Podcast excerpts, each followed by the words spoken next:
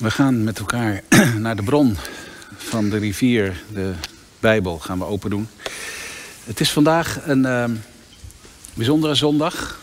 Het is niet alleen de zondag dat we avondmaal vieren. Het is de zondag na Pinksteren.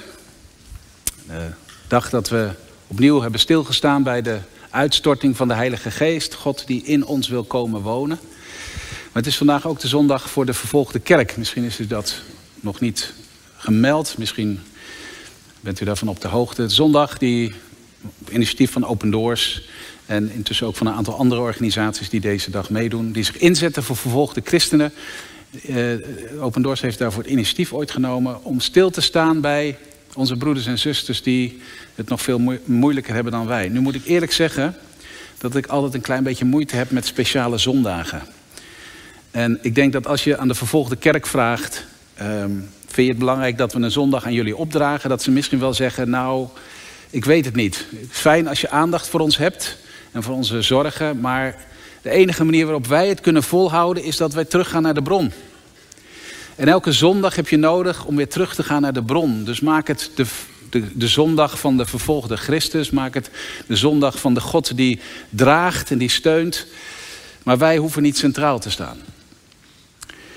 Niettemin zullen we vanmorgen ook aandacht hebben voor de weerstand die het evangelie kan oproepen. En eigenlijk komt het allemaal samen rondom het avondmaal. Ik zei al, ik wil met jullie proberen iets op het spoor te komen van de betekenis van het avondmaal. En ik doe dat aan de hand van een verhaal uit het Oude Testament. en ik stel voor dat we dat met elkaar lezen uit nummerie 13. Misschien ben je helemaal gepokt en gemazeld in de Bijbel. Misschien denk je, waar moet ik beginnen? Maar dit is een verhaal wat een onderdeel uitmaakt van de geschiedenis die God met de wereld, maar ook met zijn volk gaat. en in dat verhaal heeft Israël, het volk Israël, heel lang geleefd onder de onderdrukkende macht van de farao in Egypte. En op een gegeven moment heeft God zijn volk bevrijd en uitgeleid. En nu zijn ze onderweg vanuit Egypte naar het land dat God had beloofd, al eerst aan Abraham. En wat nu ook het beloofde land is. En in nummer 13 staat Israël aan de grens. Staan ze op het punt om dat land binnen te trekken. Maar dan gaat het niet goed. We gaan lezen hoofdstuk 13 vanaf vers 1. Ze staan er aan het beloofde land en dan zegt de Heer tegen Mozes: Stuur een aantal mannen erop uit om Canaan, het land dat ik de Israëlieten geven zal, te verkennen. Je wilt toch ongeveer weten waar je naartoe gaat. En kies uit elke stam één man en één familiehoofd. En Mozes deed wat de Heer gebood en stuurde er vanuit de woestijn van Paran mannen op uit, die allen tot de leiders van de Israëlieten behoorden. dan komt een hele lijst met namen en dan gaan we verder in vers 17.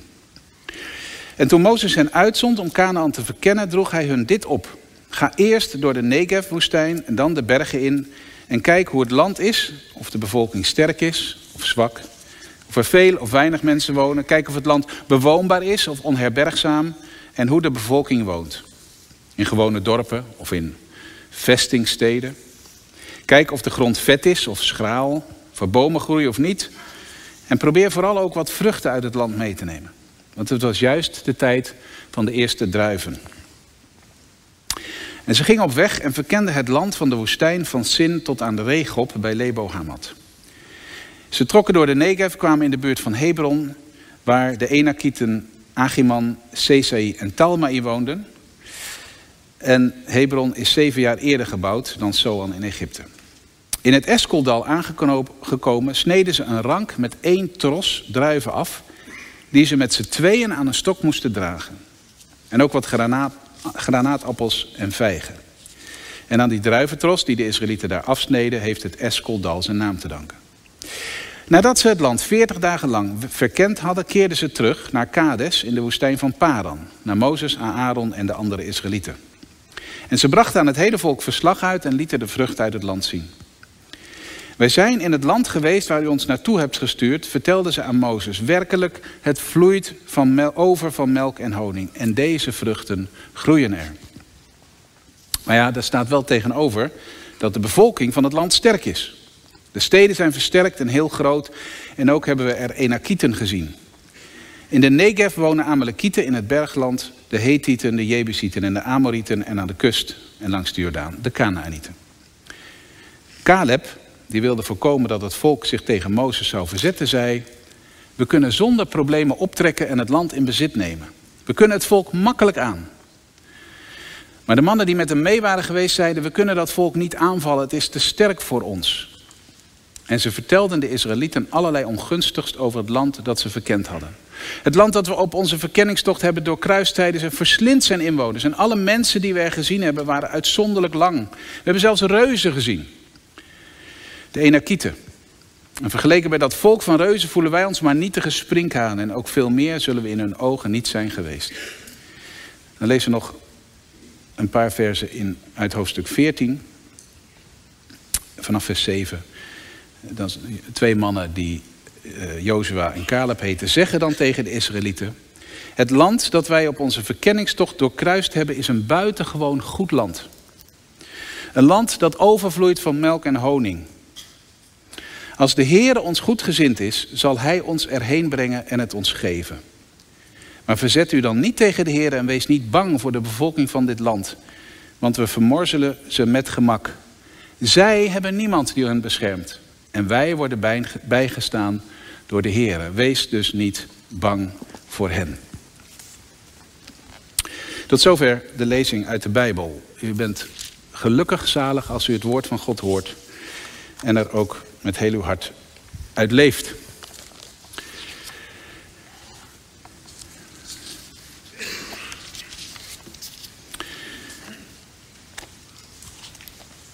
Twee personen of twee groepen. Ze zien hetzelfde, maar ze trekken een andere conclusie. Ze zien allebei het beloofde land, althans, ze krijgen een blik in wat er in dat land is. En tien komen terug met een negatief verhaal en twee komen terug met een positief verhaal. De ene, zegt, de ene groep zegt, jongens, dit is onmogelijk. Wij kunnen dit land nooit binnengaan. Wij houden dat niet vol, wij, wij redden dat niet tegenover reuzen. Het leven is vol reuzen. En de andere groep zegt, ja, maar dat kan wel. Het is een prachtig land. En wat is het grote verschil tussen deze twee groepen? Het, het ene verschil, het enige verschil wat er is, is dat de ene groep kijkt met eigen ogen, de andere groep kijkt met Gods ogen. Zeker. De werkelijkheid is zo dat er reuzen zijn.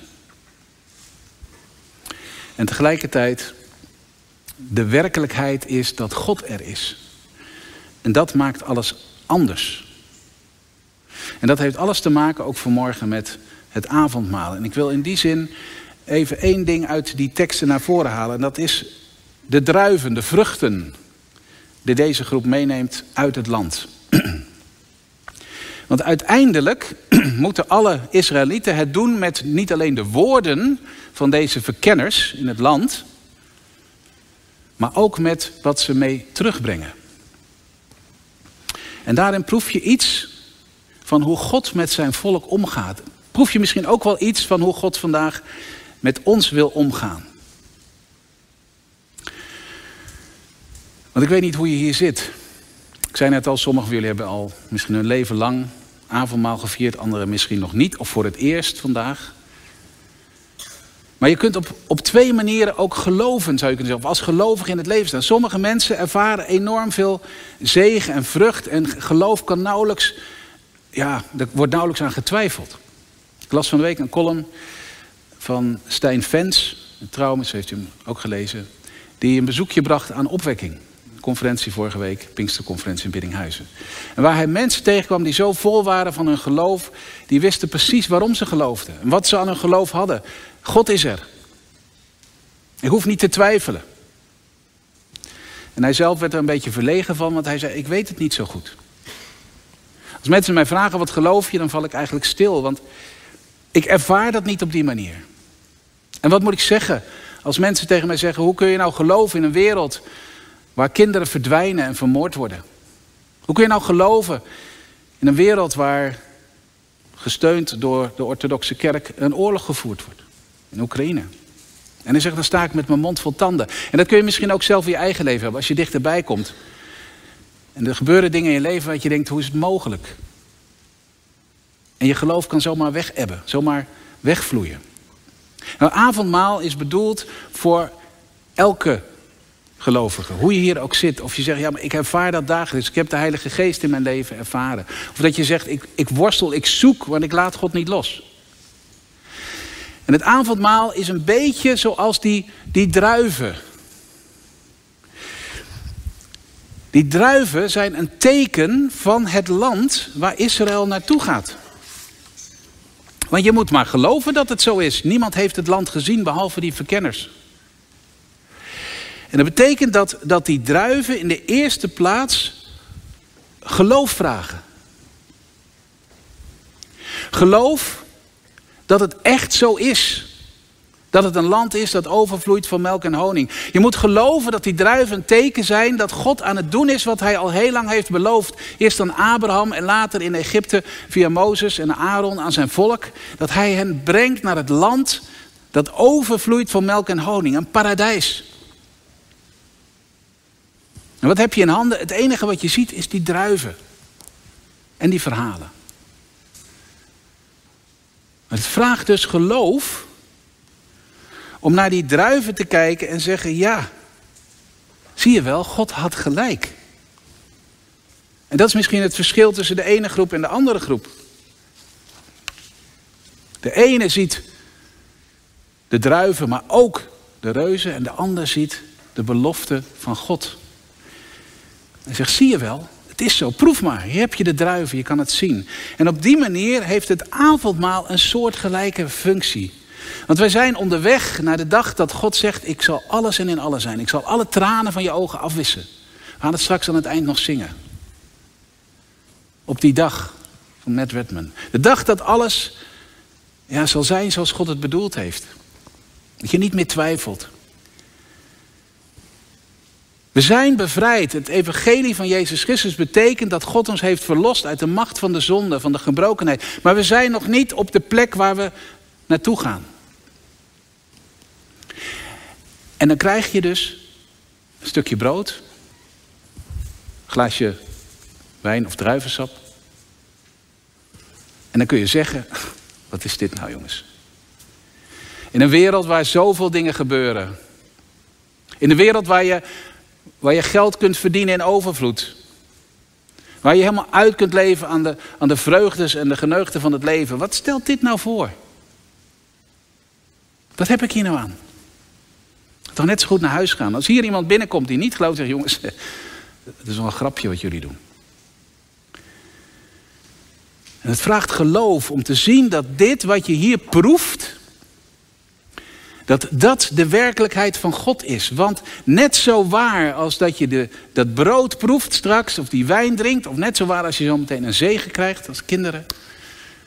Zo waar is het dat God zijn zoon gegeven heeft, dat hij gestorven is en dat hij de Heilige Geest heeft uitgestort.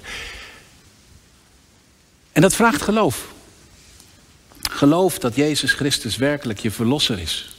Dat vraagt overgave aan die woorden van God ik ben met je alle dagen.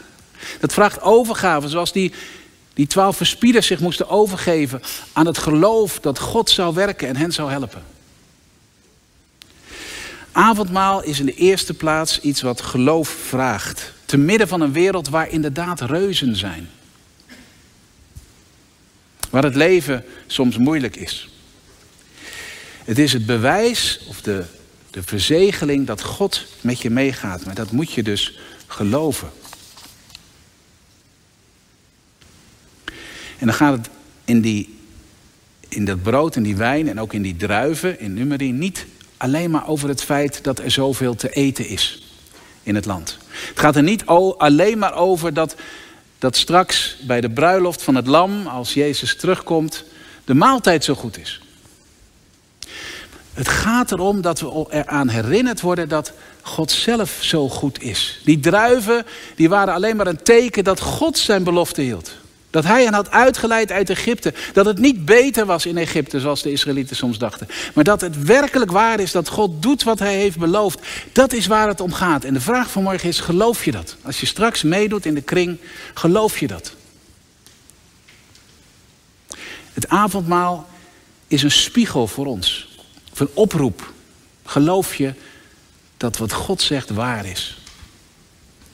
Of laat je je meenemen door alle verhalen, alle woorden die om je heen worden, worden gezegd, die twijfel zaaien? Ik weet niet of je gisteren Theo Jongedag geweest bent of misschien gekeken hebt. Maar daar ging het over speak life. Geloof je de woorden die God over je, over je leven uitspreekt of geloof je wat anderen over God zeggen? Dat is het eerste. Avondmaal is een vraag aan jou. Geloof je dat wat God zegt waar is? Die druiven die, die meegenomen werden uit het land is een vraag aan Israël. Geloof je dat het waar is wat God heeft gezegd? En degenen die het geloven, die gaan het land veroveren. Die willen. Die zeggen het kan. En degenen die gaan twijfelen zeggen nou, die reuzen zijn wel heel erg groot. Wat zeg jij? Maar het tweede, wat het avondmaal doet, is je geloof versterken. Ik weet niet of er in dat volk Israël mensen waren die, ja, die, die niet zo negatief waren als de ene groep, maar ook nog niet zo vol geloof als de andere, die aan het zoeken waren. Die zeiden, ja, ik, ik weet het, we zijn bevrijd, maar zal het echt zo zijn? Ik voel het niet altijd. En ik heb zoveel waar ik tegen worstel. Nou, dan is het avondmaal, die druiven uit het land, iets wat jouw geloof wil versterken.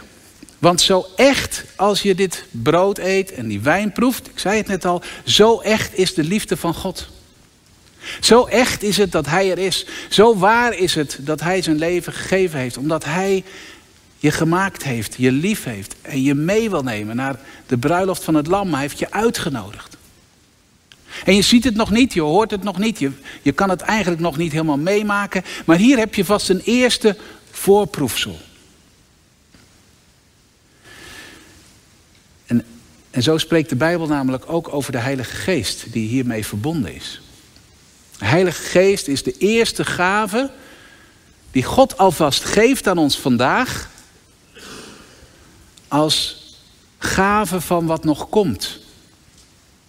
Straks zal God in ons allen zijn. Allen, alles en in allen zal God zijn. Alles zal volmaakt zijn. Maar hij zegt, hier heb je vast een eerste gave, een onderpand. De Heilige Geest. Om zeker te weten dat ik mijn belofte zal vervullen. En zo is het avondmaal met de Heilige Geest. Een gave van God vanmorgen. Waarmee hij tegen jou zegt, het is echt zo, proef nou maar. Proef dat ik goed ben. Het verwijst naar zijn goedheid. En het wil jou helpen geloven dat God echt goed is. Wat er ook in de wereld, in je leven gebeurt. En het derde. Dit avondmaal is ook, zou je kunnen zeggen, proviant voor onderweg. Want als er één ding duidelijk is, en dan komen we bij zondag van de vervolgde kerk. Als één ding duidelijk is, als jij zegt, ik geloof dit, en ik laat mijn geloof versterken, dan roept dat weerstand op. Die twee verspieders die zeiden, we kunnen gaan, want God is toch met ons. Die werden bijna belachelijk gemaakt. Die andere tien verzetten zich ertegen. En heel het volk Israël verzette zich ertegen. Maar het is onmogelijk. En als jij in deze wereld gaat staan en zegt, ja maar ik geloof dat dit kleine beetje wijn en dit brood alles zegt. Dan zullen mensen zeggen, prima, voel je vrij. Maar heb je het wel helemaal op een rijtje? Wat betekent dat nou? En als jij zegt dat God leeft, werkt in deze wereld, ondanks alle, alle dingen die gebeuren, alle verdriet en alle pijn, en je zegt hij zal het eenmaal volkomen nieuw maken, dan kun je erop rekenen dat de mensen je belachelijk maken en zeggen, doe niet zo raar. En als jij ervoor kiest om in geloof te leven en naar de principes van God te leven, dan zullen er mensen zijn die, die je daarmee belachelijk maken. En er zijn situaties waarin je kunt zeggen, dan word je zelfs gepest. Op school, op je werk. En er zijn situaties in deze wereld waar christenen ook daadwerkelijk gediscrimineerd worden en vervolgd worden en soms nog erger. Het avondmaal is ook iets wat we meekrijgen om in deze wereld vrucht te dragen tegen de verdrukking in. En het roept ons terug naar de bron, naar Jezus Christus, die zegt: Ik ben de wijnstok, jullie zijn de ranken. Blijf in mij, opdat je veel vrucht draagt. Blijf in mij, opdat de geest in je werkt en je die vruchten draagt waar we net over gaat, hebben gezongen. Liefde, blijdschap, vrede, goedheid, langmoedigheid. Het gaat soms tegen de verdrukking in. En tegelijkertijd, als wij niet vrucht dragen, als wij in deze wereld niet iets laten proeven van wat God ons laat proeven, hoe zullen mensen dan ooit eens kunnen proeven van hoe goed God is? Het waren die twee getuigen die zeiden: God is met ons. Die een getuigenis waren voor de andere tien, voor, voor Israël. En op hun getuigenis gaat het straks ja, is dat ook een getuigenis tegen die anderen? En moeten ze terug de woestijn in? Maar ons woord, onze gaven die wij ontvangen vandaag, zijn gaven om uit te delen. Om het vol te houden. Ook als mensen er niet op zitten te wachten. Jezus zegt in het Evangelie van Marcus: als je de wereld ingaat en mensen willen niets met je te maken hebben, weet dat dat gebeuren kan. Schud het stof van je voeten en ga verder. Wees er niet verbaasd over dat mensen dit niet begrijpen of dat ze zich er tegen verzetten. En laten wij leren van de vervolgde kerk dat we het alleen kunnen volhouden als we dicht bij de bron blijven. En daarom vieren we vanmorgen avondmaal.